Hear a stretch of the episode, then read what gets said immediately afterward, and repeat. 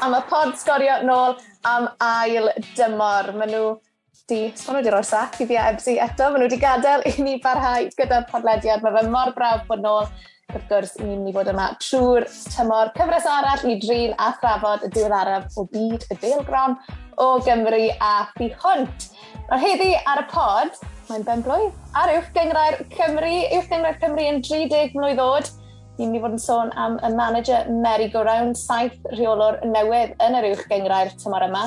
Ni'n mynd i fod yn clywed gan chwaraewr ifanc y tymor, tymor diwethaf, Mael Davies, a chyfle hefyd i edrych mlaen a fish o bêl drod yma ar sgorio. Felly, Ebsi, ni'n ôl, ti'n oce? Okay? Ie, yeah, mae'n hen i dal yn Tregaron. Anghalon i'n Tregaron ar ôl y steddfod oh. na, ddim wych. Steddfod Genedlaethol Ceredigion, a beth oedd sioe. Ond ie, yeah, na, ni barod amdani, ymddiheriadau pawb sy'n gwrando, mae rwy'n yn drilio y drws nesau i Sioned. Felly ni'n mynd i gael bach o sŵn yn ystod hwn, ond dim ond. Ie, yeah, mae rhaid fi weid, pod gyntaf yn ôl, a dwi'n microfon i ddim yn gweithio, am y drws nesaf di penderfynu dechrau drilo. Felly, uh, not off to a great start, but we'll go with it.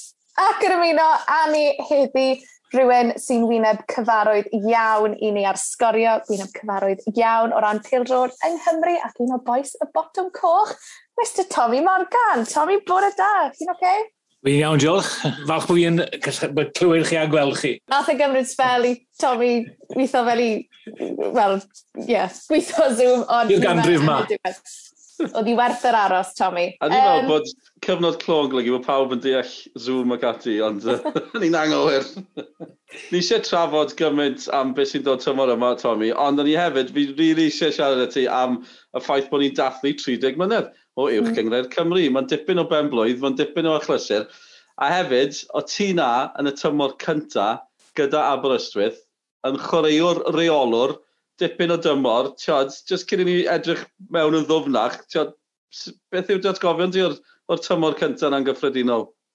Wel, oedd hi'n dymor cyffroes ar yn amlwg y, y gyngryd yn dechrau am y tro cyntaf. Tipyn o bobl yn meddwl bydde, bydde ddim yn llwyddiannus, ond uh, yn amlwg ni ma heddi, deg mlynedd ar, ar hugen yn diweddarach, ac uh, mae wedi bod yn, yn llwyddiant e-bost nog yn ei bai. Ond uh, bryd hynny, chwad, oedd neb yn gwybod le oedd y gyngred yn mynd i fynd, ond yn sicr ar ôl y tymor y ddau gynta, yn wedi pan gath Cymra'n um, chwarae yn, uh, yn Ewrop, um, oedd nad bethau fynd o nerth i nerth. Ie, yeah, os ni'n cymryd 30 mlynedd yn ôl fel y Big Bang, fel y bydysawd, ond amlwg, oedd yna lot o bêl-drod i gael ei chwarae am flynyddoedd cyn hynny yng Nghymru. Ni'n hwyr iawn yn cael y gyngred, nag o'n i'n gymaru gwledydd eraill. Felly, le oedd Aber wedi bod yn chwarae yn y, yn y blynyddoedd cyn yn un draddodiadol, Tommy? Wel, ni wedi bod yn chwarae yn y canolbarth uh, yn rhyw 5 mlynedd cyn i'r gyngrair gadi uh, dachrau. Um, nath uh, Megan Appleton, neu Happy fel mae pawb yn abod e, um, nath y benderfynu bod eisiau mwy o gysadleuaeth a aethon ni lawr i wario yn y gyngrair De Cymru ac uh, hwnna, oedd hwnna yn gam gwych i'r clwb i fod yn hollol onest, oherwydd oedd y cystadleuaeth yn dipyn gwell nag oedd e yn y canolbarth mwy o ddyfnder yn y pêl drod. Uh, felly, um, chywed, wnaethon ni uh, gystadlu uh, yn dda yn fyna, oedd Barry oedd y prif dîm ar y pryd lawr yn, lawr yn y de a y fenni cyrraedd yn Bindo, ac uh, dydyn ni'n ail gyda bedair gwaith iddyn nhw. Um, felly, uh, a bridesmaid never the bride. Beth yw, pan ti'n edrych nôl ar y 30 mlynedd diwethaf yma, Tommy, beth yw'r uchafbwynt pa atgofion sy'n sefyll mas? Wel, yn amlwg, um, yr un bersonol fydde ennill Cwpan Cymru gyda, gyda Llan San Ffraid. Chwyd, uh, anodd credu bod clwb bach neu pentre mewn ffordd uh, yn y gyngrau genedlaethol. Um, felly o hwnna'n um, chwod, yn dipyn o'ch lysur. Fi'n cefyd yn cefyd y gemau cyntaf, y tymor cyntaf na, chwod o torfeidd lawr y goedlan y parc o dros fil ar dair neu bedwar o achlysuron yn ebyn y gemau, neu medig y gemau pwysig. Uh, mewn ffordd y gemau pwysig gollon ni, oedd dwywaith yn erbyn Cwmran o gol i ddim, a chwod, naw pwynt i Mantes dros ni yn drydydd a, a pedwar dros uh, Intergardydd yn ail, felly oedd hi yn agos uh, iawn. Gath Aber, mae hwn yn cael ei cloch rhywle, fi'n siŵr bod fi wedi clywed Tommy'n cwyno am hyn yn ddiweddar. Gath Aber rhyw anaf hanner ffordd drwy tymor? Uh, Tia diwedd y tymor, nath Kevin Morrison dorri bondi ysgwydd yn erbyn Caio Sws a nath ei fethu tair gym ar ddeg a chwod, oedd hwnna, mi'n credu Sir Kevin wedi chwod, aros yn holliach, uh, bydde ni, mi'n credu mwyn efi falle wedi ennill y gyngrair, ond pwy ywyr, chwod, if, if mae if yn, yeah. chwod, yn air ni'n defnyddio, ond uh, i, i fod yn deg, oedd e un o'r chwod chwaraewyr gore sydd wedi chwarae yn y gyngrair yma, felly chi'n mynd i fethu chwaraewyr o'i safon e. Nes ti sôn am y torfeidd jyst nawr, Tommy, mae lot o drafod wastod ar gyfryngau cymdeithasol, ond hefyd pan ni'n mynd i'r gemau e am dorfeidd siomedig dyddiau yma, um, ond am, ambell i glwb bai Colwyn yw'r un sy'n sefyll mas o'r torfeidd maen nhw'n cael ar hyn o bryd, jyst yn, yn anhygoel. Ond os llai yn, yn gwylio'r gêm domestig erbyn hyn, ti'n credu, o ran mynd, actually mynd i'r gemau, e, i weld y gemau? E? Faint um, llai wedi gemau? um, Fi'n fi, fi, fi, os ti'n mynd ateb penodol i hwn, Um, mae lot o bethau yn, wedi cwmpo mewn i'r lle fel dath Covid, um, nath e hwnna, chwod, um, fynd a lot o bobl allan o'r gêm. Mi'n siŵr bydde Dylan yn gwybod am clwb fel Bon, Tregaron, Sir Dewi, chwod, uh, even clwbiau o Gylch a Brystwyth. Mae nhw, chwod, mae Casell Newydd Emlyn enghraifft, sydd yn mynd tîm o gwbl nawr. Um, ond um, o ran torfeidd, fi'n credu, oherwydd beth sy'n yn wych yn y Congrau Gogledd a'r de yw sdim teithio gyda'r cefnogwyr i wneud. Maen ma, ma, ma, ma nhw'n darbu bob wythnos bron o bod. Uh, felly, er enghraifft, gydwch chi bala mi lawr i pen y bonti sy'r diwetha, faint o gefnogwyr athyn nhw gyda nhw. Chywod, oedd hi'n daith o 2-2 awr, um, dim yr hewlydd gorau, ond edrychwch chi lan yn y gogledd, mae'r A55, mae'r M4 lawr y de, felly mae'n rili really haws i'r cefnogwyr fynd. Um, a hefyd, beth sy'n yn braf i'n credu yw, mae clybiau fel Bai Colwyn, Caerfyrddin ac um, Llan Sawel Can, maen nhw eisiau chwarae yn yr uwch gyngrau, felly um, mae hwnna'n um, edrych yn dda am, am y dyfodol. Ydy, mae'n odd yn gyfer, mae'n ma fe'n gymryd o beth. Fi'n siŵr oedd torfeidd gwael. Nôl yn y dechrau, ni sôn am y gemau mawr pan oedd miloedd yn gwylio, mae'n siŵr oedd chi'n mynd i ambell i gem, oedd lot yn gwylio amser ni hefyd, a, a ddi mor boeth dros y penwthnos, mae lot o ymateb wedi bod ar y gyfannau cymdeithasol i faint oedd yn gwylio y penwthnos cyntaf sy'n newydd fod, neu cyn lleied oedd yn gwylio. Mae'n mae anheg beirniadu ar yr un penwthnos na, fel mae'n anheg beirniadu rai o'r clybiau falle. Just y patrwm na'n gyffredinol, a mae fe'n glir pan chi'n gweld, fel ti'n gweud Tommy, cyngreiriau'r gogledd, cyngreiriau'r de, gymaint mwy yn gwylio, mae ma, ma fe'n od, mae'r... Ma, ma mae angen gwneud rhywbeth, o fel ti'n gweud, dim ateb, dim un ateb syml, nag oes ble, cael sut yn y byd chi'n mynd amdani, mae'n anodd. Y peth beth yw dylan, ydych chi Llandudno erbyn Bae Colwyn, yeah. 10 milltir? Ie, yeah, 500 o bobl, noswaith, noswaith braf yn yr haf. Um, chod, felly, um, yeah, os, os dim ateb penodol, ond mae'n hawsach i nhw drafelu uh, yn yn agos yn y gogledd yna, neu beth yw i, i, i Cey Conan teithio lawr i Cardiff, i Cardiff Met i Sandbretha fel enghraifft. Ie, yeah, hyd yn Cynarfon sy'n gyda Sial, mae'n cofi, cofi am i, maen nhw'n wych, ond nhw'n mynd i Hwlffordd. Ie. Yeah. Fain o daith yw hwnna, i fod yn deg, ond fel ni ddim eisiau bod yn hollol... Negyddol. Ie, ond hefyd, chi'n eisiau bod yn hollol... Chweant da iawn, pod cynta'r tyfod. Ie, ond mae'r tor... Chi hefyd ddim eisiau... Chi moyn roi'r fel benefit of the doubt, ond mae'r torfeidd yn, yn ffactor yn y gyngor. O'r 30 mlynedd, fi'n credu mae... Mae allwch chi weld y datblygiadau ar y cae, oddi ar y cae, mae'r cyfleusterau wedi gwella, mae'r hyfforddi wedi gwella, mae'r ffitrwydd, ond jyst y torfeidd na, mae'r un peth bach ar ôl byddai'n mynd ar gyngred i lefel arall, ond na fe, maen nhw'n ma trial, maen nhw'n trial, gen i weld beth ddaw. beth oedd yr ymateb cyntaf, I'm sorry Sean, so, beth oedd yr ymateb cyntaf yn gyffredinol i'r gyngred, Tommy? Mae'r creu'r gyngred, nath e achosi stwr, da'r irate 8 yn gwrthod chwarae, clybiau, wel, Cynarfon un o'n nhw ar y pryd, mae llawer wedi dod nôl erbyn hyn, felly da ni byth gweld pwy o'r ysgol ni merthyr ag ati, ond oedd pobl yn edrych mlaen i'r gyngrair newydd yma?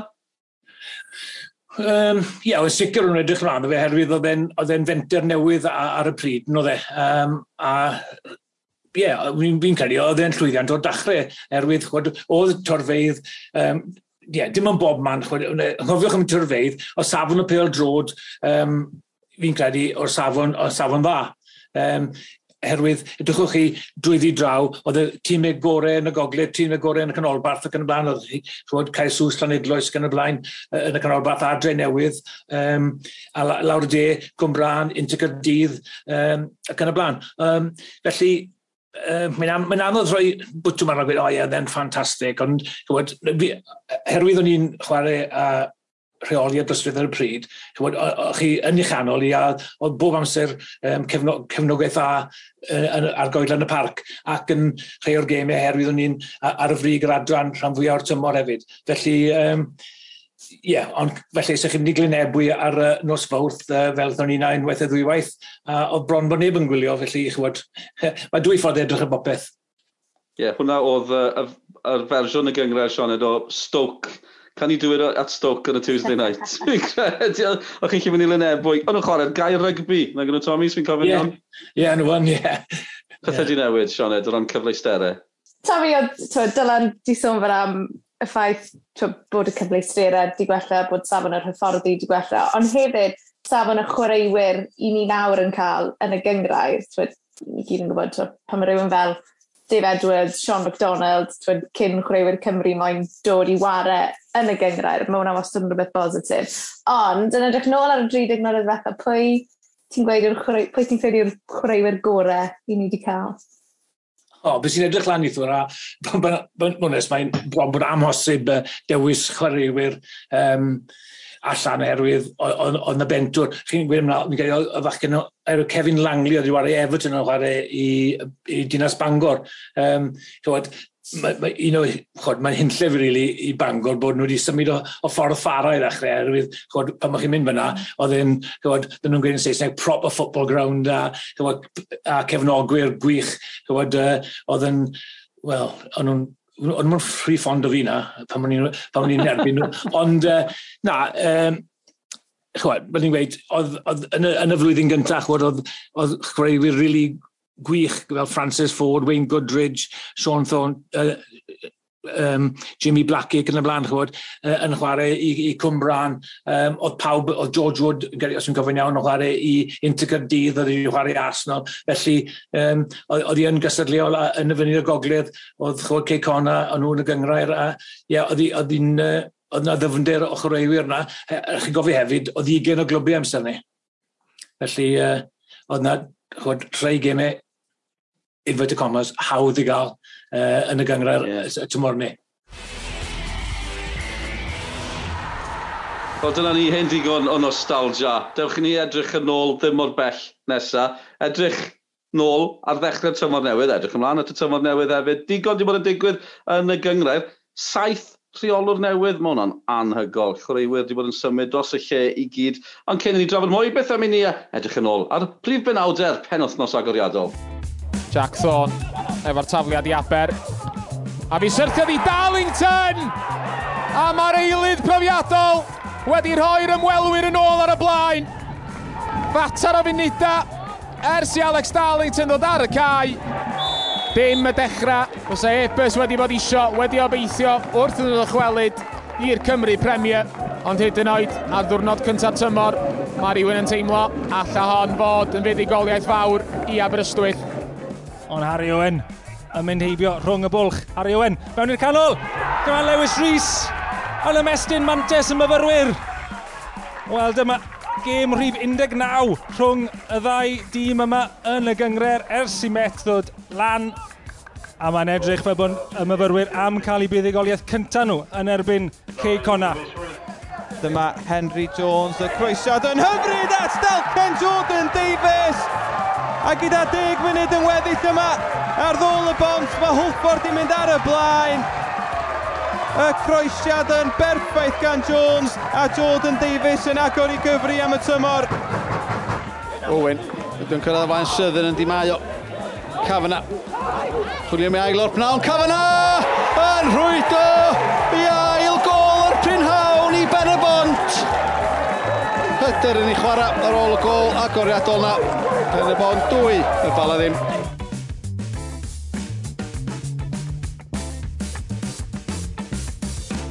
Nawr, Dylan, nes ti twito yn gweud taw pen y bont yn mynd i'r bala o ddwybl i ddim oedd canlyniad y penwthnos. A o'n i ddim yn siŵr, o'n i dal yn credu falle taw met yn curo cei cona o yr un a sefyll mas. Ond yn gweud na, y ffaith mae dal siw gymaint o anafiadau gyda pen y bont, a lot o feina ar un anafiadau oedd dyn nhw tuag at ddiwedd tymor diwetha. Felly mae'r ffaith bod nhw wedi gallu ennill yn erbyn y bala o ddwy gol i fynd heb i un ar ddeg cryfa nhw, that's not too shabby, yma. Ie, yeah, no, na beth o'n i'n meddwl. Os yma beth ti'n meddwl, Tommy, nath lot gywiro fi, pawb yn cywiro chi ar y gwanau cymdeithasol, yn gweud, Met yn ennill yn erbyn Ceic Lona. Ond i just cyn y penwthnos, o'n i'n edrych ar tîm Met. Fi'n gwybod bod nhw wedi newid rheolwr, ond mae rai yn wedi dod mewn Ryan Jenkins, mae wedi bod yn ysbrynyddoedd, mae chwaraewyr nhw wedi bod yn ysbrynyddoedd, mae nhw mor sefydlog, bach o newid yng Nghei Ngheicona, a ni jyst yn meddwl, pen y bont bala, gêm gyntaf, bala di pwy nhw wedi bod yn Ewrop, mae pen y bont ennill o ddwy gol i ddim, Rhys Cafan yn cael dwy, jyst nath y daro fi fel tipyn o ganlyniad. Ys ti'n rheoli pen y bont, fi siŵr bydde ti wrth dyfodd ar ôl honno, Tommy. Oedd hwnna yn gynlyndiad campus yn enwedig, chwod, oedd y balad i wneud yn, mi'n gwybod nhw wedi colli dros y ddoi gymal yn erbyn Sligo, ond chwod, nhw wedi uh, chwarae yn digon teg yn erbyn nhw, um, a hwnna, ie, oedd yn gynlyniad ffantastig fi'n credu i Rhys Griffiths, yn wedi gwneud e wedi colli na un ar ddeg gol i ddim y tymor diwetha, a yn o'r rediad gwael um, chywod, tua diwedd y tymor. Felly, i ddechrau tymor gyda buddigoliaeth, na gyd llwch chi ofyn am fel, uh, fel reolwr, um, bydd yn gobeithio nawr adeiladu uh, at y buddigoliaeth na sadwrn yma. O bod yn onos, o'n i'n meddwl bod y ceic wedi ceiro Cardiff Met um, dydd, dydd, uh, dydd sadwn, hwnna bach o, bach o sioc i bod nhw wedi ennill o ddwy uh, gol i, i ddim. Um, ond fi'n credu bod newid reolwr ddim bob amser yn beth da yn enwedig reit ar drothwy tymor newydd. Mae hwn yn ddiddorol. Nawr ni glywed gan Neil Gibson fan hyn. Dewch ni jyst glywed beth oedd fe ddweud ar ôl y gêm. First game in, uh, Cardiff Met buoyant on the back of obviously their performance last week against Newtown in the Cup uh, came down last Sunday to watch them, knew where their threats would be, knew where, how they would cause us problems today. Uh, worked on something to try and cope with that and try and cause them problems in a certain different area. And, you know, game plans are all well and good, but we didn't execute ours well enough. And I'm still learning very much about the group. So we, we asked the groups to do a job for us last week against TNS and they did it admirably. Um, today, maybe I've asked the group to do something that isn't comfortable to them. So, you know, I have to uh, accept responsibility for that, you know, and learn about the capabilities of the group that I'm inheriting and uh, what they can do and what they can't do between now and the end of the season uh, or between now and the end of the uh, transfer window until we, you know, maybe get uh, a few different bits of personnel in. Ond o'n eitha diddorol beth oedd Neil Gibson i weid, Tom, un enwedig still learning about the group, what they can do, what they can't do. Ni'n gyfarwydd â charfan Cei Conna, ond eto, mae newid rheolwr. Ti'n fel ti wedi cryfwy lle, mae rai bod e'n ei gwaniaeth. Wel, mae'n eitha diddorol ydy, e? herwydd mae fe newydd o fewn i'r swydd, ond i fod yn onest, mae wedi bod yn Cei Conna, felly fi'n gofio falle bod rhai ychreuwyr newydd na, ond i fe falle rhywun esgus bod wedi colli uh, i ddefnyddio, o, fi ddim yn siŵr beth mae'r chwaraewyr yn gallu gwneud. Wel, newn ni na i fod yn onest, fi'n credu, chwyd, mae rhan fi o'n i'n gyd yn gwybod beth yw tîm, pwy yw tîm a pwy yw cryfderu, cryfderau a gwendidau rhan fwy o'r tîmau sydd yn y gyngred. Neu'n wedi cos ni'n dilyn nhw'n rili really agos ac um, mae Ceic Ona dylen nhw fod yn gryfach a dylen nhw wedi curo'r gêm na yn y marn i. Just o ran rheolwyr newydd, felly saith rheolwr newydd, Tommy, ti wedi gael rhywbeth o'n deuddeg tîm, saith rheolwr newydd. Mae'r ffigur yna'n wallgo mae, mae yn wallgo, ond os edrychu di ar y rhestr yr enwau, mae rhan fwyaf nhw gyda cysylltiadau neu wedi bod yn y gyngrair, chwod, mae um, Anthony Williams wedi bod gyda Met Cyrdydd, um, chywed, mae Neil Gibson wedi bod yn y ganglar esblynyddau, mae Tony Pennock, um, mae fe wedi bod, uh, oedd yn reolwr bryswydd am ddoi gêm i gadw yn y ganglau rhai, rhai tymorau yn ôl. Um, chywed, dim ond y ddau newydd, really, yw Lee Fowler a Andrew Stokes, dath wyneb yn wyneb uh, y Montepridd dydd uh, nos yn diwetha. Felly, um, Craig Harrison yn mynd nôl i um, Seintiau Newydd. Um, ond, ie, yeah, chywed, ond yeah, Ryan Jenkins, hwt, dechrau gweithio gwych iddo fe, a fe wedi bod yn eilydd, felly mae'r bechyn yma i gyd yn abod y gyngrair. Na beth fi'n gweud, chwed, maen nhw bod yn dilyn e. A os chi'n os unrhyw ambition gyda chi i fod yn reolwr neu'n fforddwr, chi'n mynd i ddilyn y gyngrair a, a gwybod beth chi'n siarad amdano a gwybod am, am, am y chwaraewyr. Gwyd i glywed gan uh, y gwr newydd wrth i lliw, Ryan Jenkins yn y man, achos gret o'r anmet, maen nhw'n ennill o o ddwy gol i ddim yn erbyn cei gona. erioed i ennill cyn ni, nes i wedi sadwn, felly mae Christine Edwards oedd y broblem yn oedd Sean Edwards goffa fi bod e ar y bottom coch dyn ni cymbwyr, felly... Ti'n mynd i fod mewn trwbl pan mae fe... Yn barod, yn barod, i newydd ddechrau. Felly, dewch i ni glywed gan Ryan Jenkins y gwr newydd wrth y lliw gyda Met um, heddi perfformiad arbennig gan nhw na gyd o'n i'n gallu gofyn um, bydd y canlyniad yn cymryd ei hun um, mewn i ystyriaeth ond jyst perfformiad na gyd o'n i'n gofyn amdano a pob un ohonyn nhw, pob un oedd ar y bainc, pob un oedd ddim yn y, yn y sgwad heddi, y staff i gyd oedd pob un um, wedi ategu at heddi. Um, so, proud iawn. Uh, ti, ti ddim yn newydd i'r uh, clwb yma, gwbl, ond ti newydd i'r rôl, sio ti ti'n setlo mewn? Setlo'n go dda, ti'n oedd, um, oedd digon o gyfle i, i cysgodi Christian. Um, yn siarad dy fe tua pedair, pimp gwaith uh, pob dydd. Um, mae fe dal yn ei rôl fel, um, fel y chairman y clwb a fel um, director of football i'r clwb, so mae fe'n mentor arbennig y dda i fi. Mae fe wast yn procio pro, um, a gofyn cwestiynau o ran pa siap chi'n wario, sut chi'n mynd i wneud hwn. Oedd e lan yn watch y TNS yn erbyn rhain wythnos diwetha ac yn, yn barod i roi report i fi. So i fi, tymod, e ddim yn rhywbeth newydd, just sort of symud y clwb ymlaen unwaith to, tymod, uh, penod newydd gyda cwpl o syniadau falle bach yn wahanol, bach yn ffres a mae'r boys, pob un ohonyn nhw, fi'n fi, credu sydd yn gwerthfawrogi cael, uh, gael cyfle i, i, um, i ddysgu yn y ffordd yna. Tymod? Beth yw'r uchelges ar gyfer tymor yma? Wel, mae targedau gyda ni fel, fel clwb a fel, fel grŵp o boys, ond sa'i moyn rannu reina gyda unrhyw un tu fas i'r clwb. Fi'n credu bod yn bwysig bod fi'n cadw'r cyfrinach yna gyda fi a'r, ar boes. Um, mae gwerthoedd craidd gyda ni, um, ond mae'r gwerthoedd craidd yna yn mynd i um, bod yn testyn ni pob un os ni'n mynd i'r cae a y gêm nesaf, targed nesaf. A na gyd ni'n mynd i wneud heddi oedd yn bwysig, cael heddi uh, allan y ffordd a wedyn symud ymlaen i'r gêm nesaf yn erbyn Aberystwyth. Y gêm nesaf yn erbyn Aberystwyth bydd na wyneb cyfarwydd ar y fainc pech o draw i ti, siwr bydd y dynamic yna yn erbyn Anthony?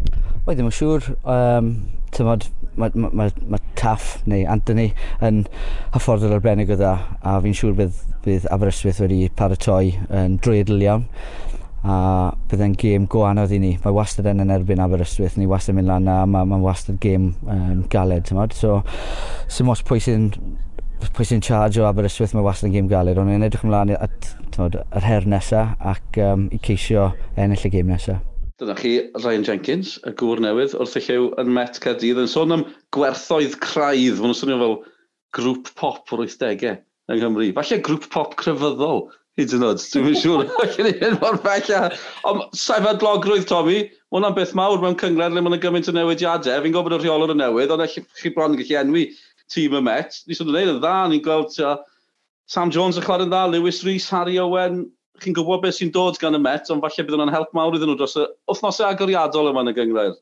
Ie, yeah, chwer, a dyn nhw Emlyn, Emlyn Lewis yn, y, yn y cefn, mae, mae Chubb chwod, yn ymddiffyn hefyd, ie, yeah, maen ma nhw'n ma nhw sefydlog, maen nhw'n yeah, ma nhw gwybod beth nhw'n gwneud, um, a chwod, dyn nhw'n yn y chwech eich at y mor yma sy'n ni'n tybio.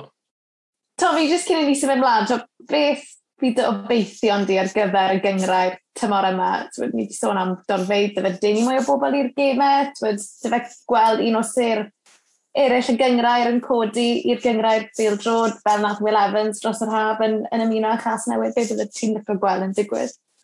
Wel, fi'n gweithio tymor yma, nes, nes i wedi, e, disadwn ni'n credu, chi'n edrych am, yn lle eistedd nôl i mynd am y fuddigoliaeth, a mm chwod, taflu chwaraewyr mlaen a chwarae mwy o bel drod ar y drod flaen hytrach nac ar, ar y drod ôl a mynd bant y gatre a gweud, o, ni'n mynd i wario pimp yn y cefn a bod yn negyddol.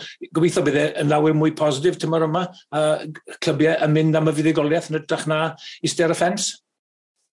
Fi'n offi hwnna. Hoffi hwnna'n fawr. Cyn mynd hefyd o ran y penwthnos, nes i fwynhau perfformiad Holford. Mae Jordan Davis yn edrych fel tipyn o drosglwyddiad o Gay Geicona. Kit neis hefyd Nath mm. Kit Holford dal yn sylw i. Neis iawn. Hyd yn hyn, maen nhw ar y blaen. Na gif i fynd i weid. Digon i fod yn digwydd dros y penwthnos, felly mwynhau perfformiad Holford a'i kit nhw. Uh, fi a Sioned yn credu mae un o'r canlyniadau mawr oedd Pen y Bont yn ennill yn ebyn y bala. Hon oedd gym ola'r penwthnos, a cyn honna, da ni'n yser Pen y Bont sydd wedi anafu am bach to Mael Davies, oedd e gyda ni'n hont y pryd, oedd hi'n braf cysgwrs, dy fe.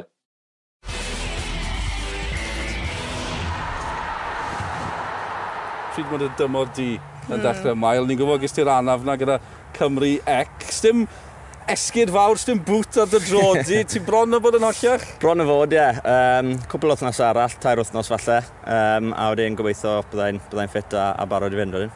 O ran pen y bont, siwr mae'r paratoad yn mynd ar gyfer y tymor newydd. Achos oedd un, o tymor diwetha ni'n bach od, nath chi gyrraedd ffeinal Cwpan Cymru, oedd e'n anhygoel, ond wedyn yeah. ni o ran y gyngrair, Felly ddim di wneud mor dda be lygu chi? Na, fi'n credu dath anafiadau ar yr amser anghywir i ni. Um, fi'n credu ges i anaf a wedyn fi'n credu just cwmpo ni fel dominoes wedyn. Um, ond na, ni'n uh, edrych yn gryfach eleni.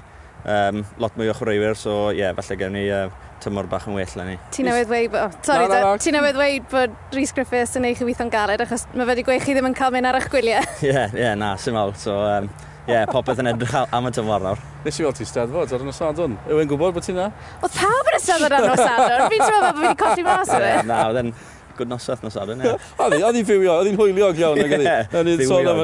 Fel arfer, tymor newydd, ni'n sôn am chreuwyr newydd. Mae'n ni'n sôn am chreolwyr newydd tymor yma. Mae'n wallgo yeah. top stat o'r penwthnos gêm pen o bont bala, o'r unig gêm y does dim rheolwr newydd. Ife? Wythnos yma. Mae hwnna'n gweud y cyfan. O, ti wedi gweld sefyllfa fel un o blaen yma gymaint o reolwyr newydd? Byth, a enwed gyda chwaraewyr hefyd yn, yn y ddau tîm hyn, fi'n credu maen nhw wedi cael 30 trosglwyddiadau rhwngtyn nhw. Um, a chymod, y rheolwyr newydd, um, bydd yn tymor um, interesting iawn yn ni. E- yw hwnna'n neud i'n galed i broffwyd o beth sy'n mynd i ddigwydd, tymor yma, achos chi ddim cweith yn gweld beth i ddisgwyl. Ie, yeah, fel arfer, ni'n gwybod beth i ddisgwyl gyda pob tîm, ond ie, um, yeah, Lenny bydd e, bydd e bach yn wahanol, um, ond dal mynd mewn i, mewn i pob gêm yn edrych mlaen a treol cael uh, 3 pwynt na. Ie, yeah, ni wedi stopio proffwydo. Nad yma. Geithon ni eisiau gyfyd o hard time o reolwyr llynedd, ni ddim yn proffwydo ragor. Wedach chi, fan ni'n mynd i gael yn, wedach chi, fan ni'n mynd i hyn, sori. Ie, yeah, felly ni ddim yn goffo wneud ni. O ran, to, chwaraeo, ti'n mewn i dymor newydd, ti eisiau dechrau ar dan yn amlwg, ond tyd, wyt ti'n goffod meddwl yn hir dymor, fi'n gwybod tymor ddim coet i dechrau ti. Ti'n goffod fel peiso dy hunan fel petai, achos mae yna naw mis hir o'ch blaen chi? Ie, yeah, yn gwmwys. Um, fi'n credu fi bach rhy, rhy cyn i moyn, i, moyn dechrau chwarae mwy'r gyntaf fi'n gallu. Um, ond na, fi'n credu jyst cymeriad e camau bach ar y tro, um, achos hir dymor, mae'r ma tymor un hir, um, a sa'i moyn torri lawr. So, treial cael yn iawn nawr, a, a last o'r tymor i gyd. Ie, yeah, fi yn poeni am y gres ar y penwthnos agoriadol. Bydd ni'n rhewi cyn byr, bydd y thermals mas cyn fwy. Ie, pa'i coino dyn, bydd ni'n Fy ni'n coino pan, yeah, pan ni'n rhewi lan ar y bala. Fi'n gwybod bod ni'n gynnar, ni heb gweld pawb eto. Ti'n gweld unrhyw beth yn newid ti ar brig tymor yma? Mm. O, ti'n feddwl hwnna? Ti'n goffa feddwl? Na, wel, na, fi'n credu bydd y seintiau yn rhy grif eto Lenny. Uh, Chi'n gwybod, Cey Conan colli eddi. Um, ond mae'r gyngred yn gwella bob blwyddyn, chymod, mae'r ma tîm o ddim yn well a mae fe'n crynoi'r gap trwy'r amser bob blwyddyn, so um, a gobeithio gallith pen y bont fel yna hefyd. O'n i'n mynd i ofyn, Mael, beth yw'r... Be mae pen y bont yn anelu amdano tymor yma? Ffeinal arall? Um, fi'n credu y peth mwyaf i Ewrop. Um, ni wedi bod yn uh, eima mewn ab tri, tri tymor nawr, um, felly bydd yn neis i, i gael hwnna, achos um, ni'n perfformio'n dda, just um, colli lot o chwaraewyr i anafiadau a, a stwff fel yna. Felly, ie, yeah, Europe, final arall bydd hwnna'n neis. Um, a just neud, neud y gorau ni'n gallu neud. Ie, yeah, mae'n mynd i fod yn um, dymorddol. Ni'n gweld gymaint o newidiadau. Mae lot i weid am mm. clwb pen y bont fel yn sefydlo. Chi'n gweld rhywun fel Met. Na chi, chi'n gweld tîm y Met, bron allech chi wedi dewis e. Maen nhw wedi bod yn gyda'i gilydd, maen nhw'n gwybod beth i ddisgwyl. Yeah. Fa'i mae bwysig yw yw hwnna. Mae rwy'n mae Pontypridd yn dod mewn i ddyn newydd, mae Flint yn newid gymaint o chwaraewyr ac ati. Mae rai bod yn tîm sefydlog, mae rai bod yn help enfawr. Mae'n rhaid dachrau tymor felly. Ydy, ie. Yeah, mae'n bwysig cael clic chymod, yn, yn y tîm. Mae'n rhaid pob un dymlaen, achos fi'n credu mae hwnna'n eich i performa'n well ar y ca. Um, felly'r ddau tîm yn yn weddol newi. Um, mae eisiau nhw dod i nabod gilydd eitha gloi i, i treol, um, well, hit the ground running fel maen nhw'n gweud. Mae yna wynebau newydd, Ebys, Pontypridd. Fi'n gwybod beth hwn siŵr o fod ymu mas ar ôl y gêm yma. Ond fel i ti'n gweld pont y pryd yn neud tymor yma, achos mae'n lot o gyn chwaraewyr pen y bont yn rhan yeah. o'r garfan. Ie, yeah, fi'n credu fi wedi chwarae gyda hanner, hanner y tîm. Um, ond na, fi'n credu maen nhw wedi arwyddo'n dda. Um, lot o chwaraewr gyda profiad yn y gyngrair. Um, cwbl o chwaraewr ifanc arfenthyg o tîmau fel Cas Newydd a hefyd cwbl o, o chwaraewyr na gyda nhw blwyddyn diwetha. So fi'n credu bod e'n cymysgau dda iawn um, a fi'n credu newn nhw'n nhw reit. Mael, diolch yn fawr iawn, ni'n mynd i ffind o cysgod, Ie, yeah. Please. Mae'n both. Hifen ia. Yeah. Good.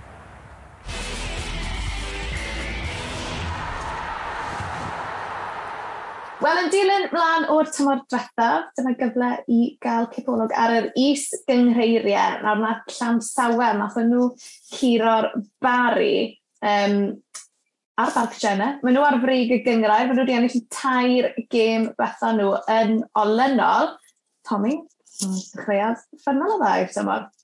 Ie, yeah, mae llan sawel, amlwg maen nhw uh, bron yn marw sydd yn mewn i'r gyngrair uh, genedlaethol. Um, a mae'n edrych fel bod nhw chwod, wedi cael chwaraewyr gorau um, o'r Lantwyd Major, um, pencampwyr tymor diwetha. Hefyd mae'n dod â reolwr fel is-reolwr hefyd, um, Carl Lewis. Um, felly mae nhw'n mynd i fod yn fygythiad uh, a chwrdd canlyniad campus iddyn nhw yn erbyn y, y bari yn Mark Jenner uh, nos Wener diwetha. Um, a wedyn, da chi, wy'n credu, chwrdd bari, bydd nhw dyn nhw'n y mix ar y diwedd, llanelli, cyfyrddin, um, chwod rhyd aman, mae ydych chi glwstwr o glwbiau fyna sydd uh, yn mynd i fod yn uh, rhoi gemau digon diddorol i ni dros y, dros y geia. Yeah, there can be only one. Dim ond un fydd yn esgyn ar y diwedd ar goethau. Mae beth sydd wedi digwydd yn yn Llanelltid, dyn nhw ddim yn hapus yn amlwg achos ddim yn cael y drwydded, ennill y gyngrair, yn awr rheolwr llwyth o chwaraewyr yn gadael. Mae fe'n anodd arnyn nhw, ond mae ma, ma, ma, ma hyn yn digwydd yn y cyngreiriau is am hynny. Mae yna ma un clwb sy'n taflu arian at pethau bob tymor, falle yn gallu denu chwaraewyr, mae'n edrych fel mae Wel, llan sawel yw'r rhaid sy'n gwneud hynny ar hyn o bryd. Ond mae Andy Hill wedi bod yn siarad â ni'n digwydd bod ar ôl y gêm yn erbyn y bari. Dewch chi ni glywed gan reolwr llan sawel. We kind of earmarked this, this game as, as even though it was the third game, we knew that this was, this was the biggest game of the season, uh, without doubt. You know, coming away to Barry Town, you know, league favourites. We knew we knew how hard the task would be. Um, we, you know, we worked so hard in training in the week. Um, you know, we had we had a game plan. I thought the boys, their application on the on the pitch was superb. It meant a lot. It meant a lot to the boys. You know, coming to Barry Town, the league favourites. They got the best players. They got the best stadium. They got the best coaches. You know, they got two managers, a pro licence holders. You know, on a new surface coming here and, and winning 1-0 speaks volumes. That's why I think everybody was so so over the moon at the end um, is is just just you know we built this game up and we got what what we wanted. Dyna Andy Hill, mae fe'n gymeriad cyfarwydd yn y gyngred Tommy, a mae fe'n cymeriad oned. Mae'n mor ddiddorol clywed treolwr yn gweud ar ôl tair gêm, mwy na lai, oedd hi'n gêm oedd rhaid yn nhw ennill, hollol onest, ac wrth i fodd bod nhw wedi ennill yn y bari hefyd. O, yn sicr, oedd hwnna yn gynlyniad gwych iddyn nhw. Um, os ych chi'n targedu ennill y gyngrair, um, rydych chi edrych a, ar eich prif wrthwynebwyr a gweud, reit, mae rhaid ni ddim colli'n erbyn rhain, uh, neu well beth, curo nhw, gatre a bant, na chi wech, chwan, mae fe'n ma, ma, ma yn bydden nhw'n gweud yn Saesneg, chwech six-pointer go iawn. Uh, felly o hwnna yn chwod, ddechreuad rili really gwych iddyn nhw. A hefyd mae hwnna'n rhoi uh, hyder i chwaraewyr hefyd bod nhw wedi mynd i'r bari oedd chwod, heb golli lawer o chwaraewyr yn yr haf wedi cryfhau rhywfaint hefyd. Felly, ie, uh, yeah, mae, mae yn ddiddorol, ond uh, fi'n siŵr bydd yna cyfyrddin, mae nhw wedi cael Andy Legg mewn gyda Mark Eisler hefyd. Felly, um, mae'n mynd i fod, llanelli, mae nhw wedi cael Lee John, um, chwod, fel, uh, yeah, mae'n mae mynd i fod yn rili really gystadleuol i weld pwy sy'n mynd i uh, gypio'r gyngred yna. Ie, yeah. Llan Sawl ddim di ildio. Fi'n gwybod tair game sydd wedi mynd. Ble ni'n mynd dros ben llestri, Sioned, ond ennill tair heb ildio. Mae hwnna'n eitha pryderus yn barod er mae cambrain y clydach mewn hefyd. Mae'n mynd i fod yn ddifur yn y de fel arfer. Tommy, o ran y gogledd wedyn ni, bwcle ar y brig ar hyn o bryd, nhw wedi ennill i tair gym gynta, ni wedi Rhythyn, Dwyron Kevin a Brastatyn. Ni wedi sôn am dorfeidd bai Colwyn, o dros 870 yn gwylio treffynon um, yn colli o 6 gor 1 yn erbyn bai Colwyn. A wedyn ni 1500 o watchan Llandudna yn erbyn bai Colwyn ar byn wythnos agoriadol y Cymru North, ond on o ran y gogledd fel i ti'n gweld i'n mynd tymor yma, pwy ti'n credu? Well, sori, mae eitha diddorol yn fe, chwbod, da chi nifer o reolwyr fyna sydd â profiad o uwch gyngred. Mm. Sean Erdley yn Llandudno, Steve Evans, hywod, maen ma nhw'n ma nhw gwybod beth sydd angen i ennill y gyngred yna. Maen nhw wedi bod na o blaen, Llandudno, maen nhw wedi cael dyrchafiad o blaen. Um, felly, mae, mae, mae un beth ar, ar lawr yn y de, mae'n fynd i fod yn, yn gystadleuol iawn. Um, chwbod, a mae Treff yn o'n erfyn golli o 6-1 yn erbyn bai Colwyn, um, dwi'n teimlo, ond nhw, nhw yn dîm cystadleol iawn hefyd. Bydd Johnny Hazeldine, y reolwr, ddim yn bles gyda'r cynlyniad na, ond mi'n siŵr bydd nhw uh, i fyny gyda'r ceffylau blaen dros y, dros y gea. Mae nhw yn gystadleuol yn gyda'r triffan Fi'n cofio gyson nhw'n rhediad yng Nghopban Cymru, gyson ni ffilm o eitem i sgorio, mae yna ffynon yn rhe ffynon, digwydd bod, mae yna glyw yn yr enw. Nis nath criw sgorio orfodi fi, fi mewn i'r ffynon gyda tîm triffynon. Dwi beth di bod mor o'r yn y mywyd, a dwi wedi bod yng Nghei Conar nos fawrth Fi'n gwybod beth yw or. Fi'n gwybod beth yw o'r. A hefyd, Tommy, cynnydd oedd dal yn sylw i o ran y gyngreir yna, oedd uh, Porthmadog yn ennill y dair i ddim ym Henryn Coch. Yna, nath hwnna ddanfon shockwaves o gwmpas ardal Aberystwyth y Penryn Coch. Na, fi'n credu oedd un o ddoi ychrwyr ddim ar gael gyda, gyda Penryn Coch, ond ar o gwed yna, mae ma Porthmadog, uh, gyda nhw ddyrchafiad llynedd, um, yn ennill y gêm na'n erbyn Caer Sws uh, yn, oh. yn y Bermo a dros 500 o bobl yn, yn gwylio'r gêm. Um, felly, maen ma, nhw'n glwb mawr y uh, port uh, a fi'n siŵr bod nhw'n edrych, maen nhw'n edrych mlaen a i ddod ôl i'r uwch gyngrau Cymru unwaith eto. Uh, fel maen nhw gyd, felly mae'n ma, ma golyn dda bod y clwbiau yma eisiau dyrchafiad nhw, ie. Na, na beth sy'n hodi galw ni bod nhw wrth i bod yn clywed ti'n canfol nhw ym mhod. Fi wedi cael sgwrs da un o'i cefnogwyr nhw. Mae fe bach o super fan i fod yn dig da fe. Um, Dylan Ellis, ti fod yn gwylio ers blynyddoedd yn, yn ffilmio tu ôl y gol hefyd. Mae'n werth dilyn e ar YouTube, ond ie, yeah, ges i sgwrs da Dylan am popeth yn ymwneud â port. Dylan, neis dy weld ti yn gynta. Os yma pethau mynd, nath sgôr port dal yn sylwi dros y penwthnos. Tair i ddim yn mynd Menryn Coch. Mae'n ei bod hwnna wedi plesio pawb mae o wedi plesio, oedd o ddim yn lle oedden ni'n edrych ymlaen i fynd. Mae o'n, mae on le anodd, mae nhw'n dîm cryr os y blynyddoedd. Da ni'n wedi cael llawer o lwyddiant yna. Um, dwi'n meddwl un o'r gem os dwi'n gafon ni na, a ni golli go galad. Ond oedd o'n neis y dona, dwi wedi sgorio tair gol, gwerth chweil, a dod dona a heb ildio. Chos a'n ildio un yn yr, um, yn ebyn Gresford yn y eiliad ola a colli pwyntiau. So oedd o'n neis cael gêm di, di sgor yn yn erbyn ni. Ac um, a goliau gwerth chweil. Ie, yeah, felly o ran y tymor, tair gêm sydd wedi mynd, fi'n gwybod, ond ennill y gêm gyntaf yn Llanedloes gyda gol hwyr, colli gartre, yndes di, gyda gol hwyr, a ennill no. y Menrin Coch. Chi'n mwynhau teithio i ffwrdd o traeth, mae'n ymddangos? Mae ma, ma o'n neis cael mynd, mae'n amser mawrth 20, 20 oedd y gemau dwi'n ni chwarae yn gyngreir yma, so mae wedi bod yn ddwy flynedd a hanner go hir oedd ddod yn ôl. Dwi'n meddwl bod ni'n byw ar yr uh, euphoria tymor dwytha. Sicr bod ni uh, tymor gafon ni ag ennill yn Bermo yn erbyn Carsws yn y gêm ola. Da ni'n dal ar hwnnw. Dwi'n meddwl bod ni'n... Mae'r garfan di cryfhau.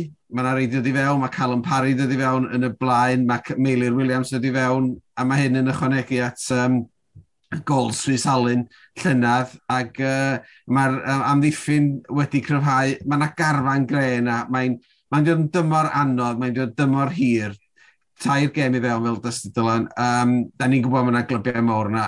Mae glybiau sydd angen mynd i fyny. So mae'n dod yn... Uh, mae'n dod yn naw mis anodd, ond mi wnawn ni ymdrech gala da ni gan obeithio. Gan obeithio fyddwn ni ddigon da i, i, i gael digon o bwyntiau. Chos mae'r ma bai colwyn nesa ar, ar yr uh, disadwn nesa, a dyna di'r gem fawr, mae'n siŵr, yn y gyngred. Ie, yeah, faint mor braf i fi bod nôl yn y gyngred yma, yng nghyngred y, y gogledd.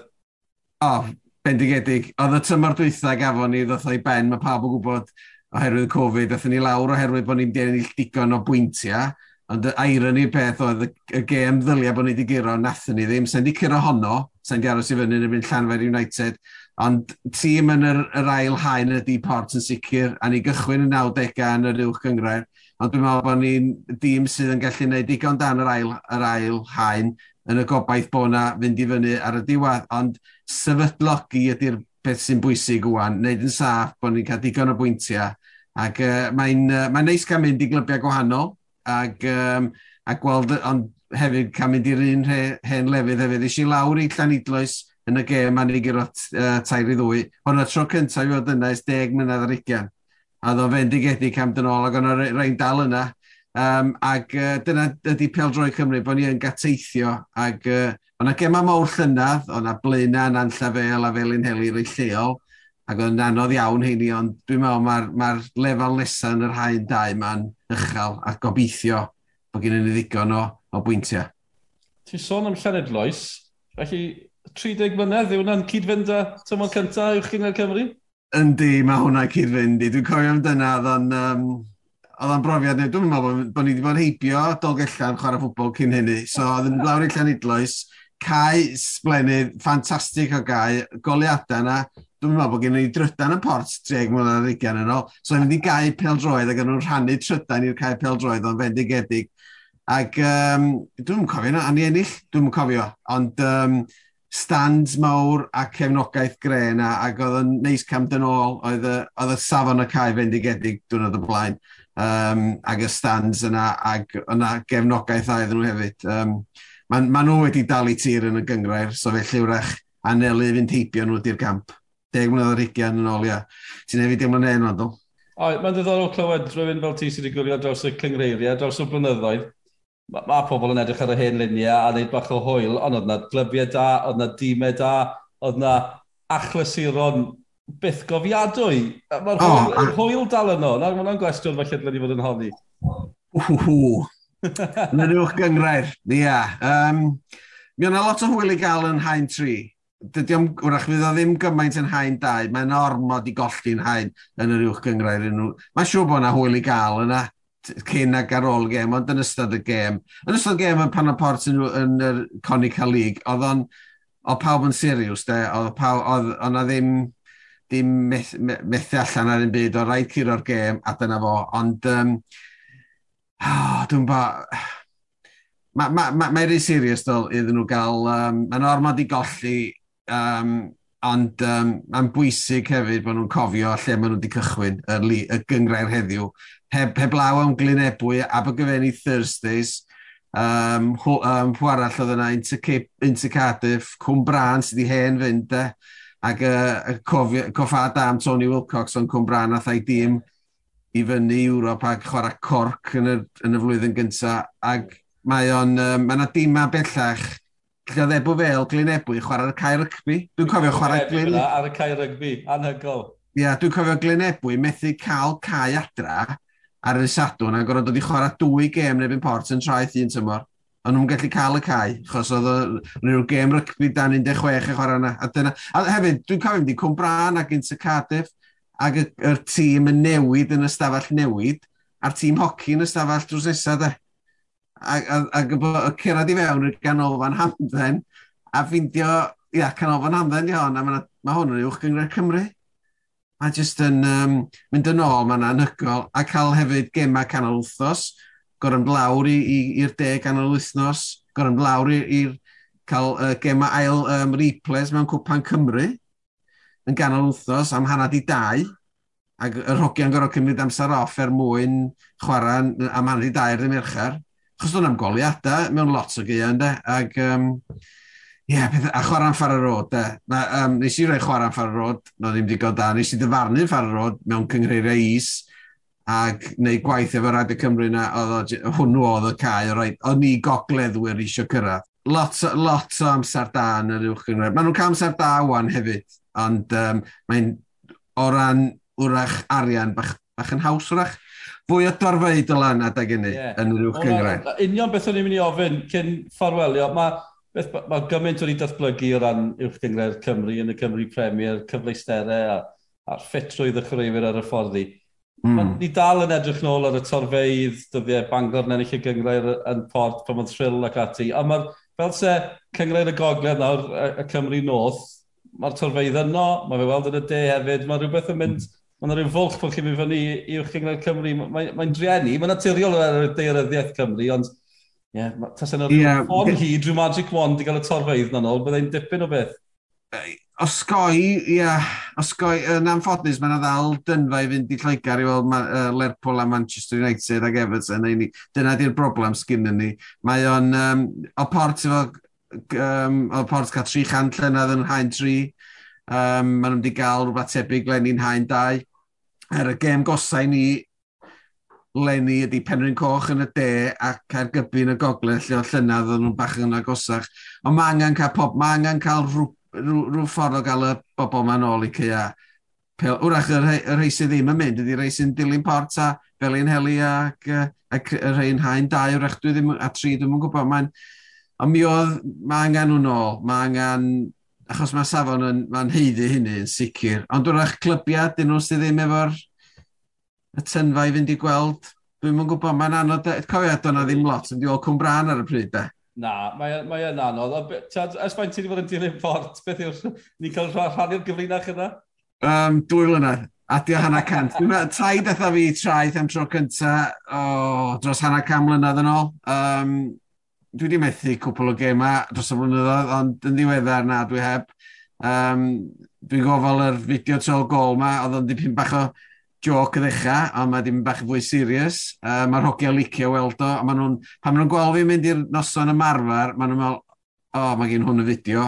So, dyn wrth gwrs, beth sy'n digwydd, mae pethau gwirion yn cael ei roed i fyny. Dyna sy'n mae pethau di newid um, yn y deg mlynedd ar ugen, neu hanner cawn mlynedd, dwi wedi bod yn neud yr dilyn port. Dwi'n dweud, o'n i'n neud yr rhaglen, dyma sy'n mae pethau di newid go iawn. O'n i'n neud yr rhaglen yn, yn, deg mlynedd ar ugen yn ôl, o'n i'n gorau, pan o'n i'n gweithio ffwr, ac o'n i'n gorau teipio i dillu dim mawth, o'n i'n gorau roed o'n y post amser cinio dim mawth, oedd o'n cyrraedd i merchar, oedd o'n neud o dydd iau, a bosib beindio fod i gwener ac oedd allan di sadwn.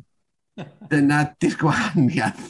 Ia, yeah, erbyn wwan, sy'n neud o prawn di gwener yma allan boran sadwn. Ia, yeah, dyna di'r di gwahaniaeth sydd wedi digwydd. Mae o'n... Um, Mae yna fyd o wahanol o ddeg mlynedd ugian a sicr hanner cam mlynedd yn ôl. Mae o'n bell. Ond mae dal port o chwarae mewn coch a di. Dyna sy'n bwysig.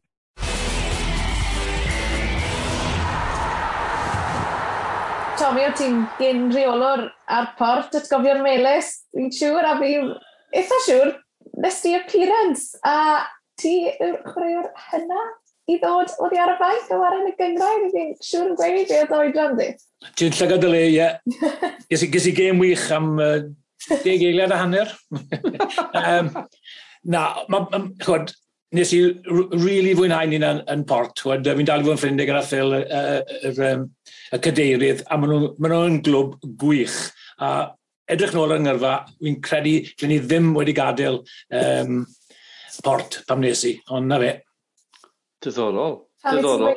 Uh, herwydd es i'n ôl i gyfyrddin a dylen ni dilyn yn rhywydd aros yn port, ond na fe, mae'n haws edrych nôl ni we. Ie, yeah, just o ran y record na, nes ti dod mlaen fel eilydd i dorri'r record, neu jyst oedd angen eilydd ar port? na, nes i arno i dorri'r record. Wnes i bod, da Andy Hill yn gweud y gwir, fel yn gweud y gwir wrth ti nawr, fe. Gwych, ni'n offi na, ni'n offi na fawr iawn. Rhaid, cyn i ni fynd, Dyl a Tommy, beth o ran y byd pil drod pen othnos mewn os dal eich sylw chi neu beth, o'ch, beth oedd yr eich uchafbwynt, Del? O, oh, Wel, bydd Tommy nabod y gŵr yma. Arwyn Morgan, Arwyn Bach, maen nhw'n galw e, yn chwarae i Dregaron, maen nhw'n dechrau cael sylw yn y wasg hefyd. 60 oed, Tom, nath oedd chwarae yn y gol i Tregaron Turfs, fe gollio nhw, ildio nhw saith, ond mae hwnna dipyn o stori. Arwyn, sy'n gofal y clwb rygbi yn Tregaron ar un o bryd, dyna oedd y lle i fod yn y steddfod. Mae fe wedi cael haf da iawn, Tommy, byddwn ni'n gweud. Ie, yeah, dwi'n siŵr sbedig bod wedi ildio saith gol, ond ie, uh, yeah, oedd yn siŵr i wneud saith mil o ddoi uh, i'r clw rygbi dros, dros yr wythnos. Do, gysyn wythnos dda. Be sydd wedi dal dy sylw di, Tommy? O, oh, fi'n siŵr uh, fi'n hoffi hyn, Dylan. Uh, Harry Kane yn penio'r uh, gol na erbyn Chelsea yn ddofn yn amser ychwanegol. A just yeah, about... Bydde ti di ysgrillaw Fydde ti wedi ysgwyr llaw Tuchel, tas y ti'n Conte? Nes i ddim eriod ddim ysgwyr llaw gyda reolwr arall. Mae'n braf i weid, fy uchafbwynt i oedd penderfynu cael Gabriel Jesus fel fy nghapten yn fy nhîm fantasy. Hell of a shout by myself, by myself, myself. Reit, wel dyna ni, ni wedi dod i ben y pod agor iadol. Cofiwch digon o gym y byw ar sgorio yn ystod mis awst. Fel wedyn ni Aberystwyth yn erbyn Met Cyrdydd, dydd Sadwrn. Wedyn ni yn y Bala yn erbyn y Dre Newydd nos Wener y 6 ar 20 o Fawr. Wedyn ni Perebont yn erbyn Hwlffordd nos fawrth ar ddiwedd y mis. Mae, hwnni, mae hwnna ar-lein. Felly, byddwch yn siŵr o ddal y diwedd araf ar ein llwyddannau cymdeithasol ni hefyd. Ac os ych chi heb wela eto, ond mae yna rhaglen dogfen y bala a'r antur i euro. Dogfen yn dilyn Colin Caton a'r tîm yn erbyn Sligo yn euro. Mae fe'n really dda. Sgoriad di we've gone all or nothing vibes gyda'r bala, so cerwch, cerwch i weld hwnna. Um, yeah, 'na ni am yr un gyda. Diolch Tommy, diolch Dylan. Diolch diolch yn Ta-ra.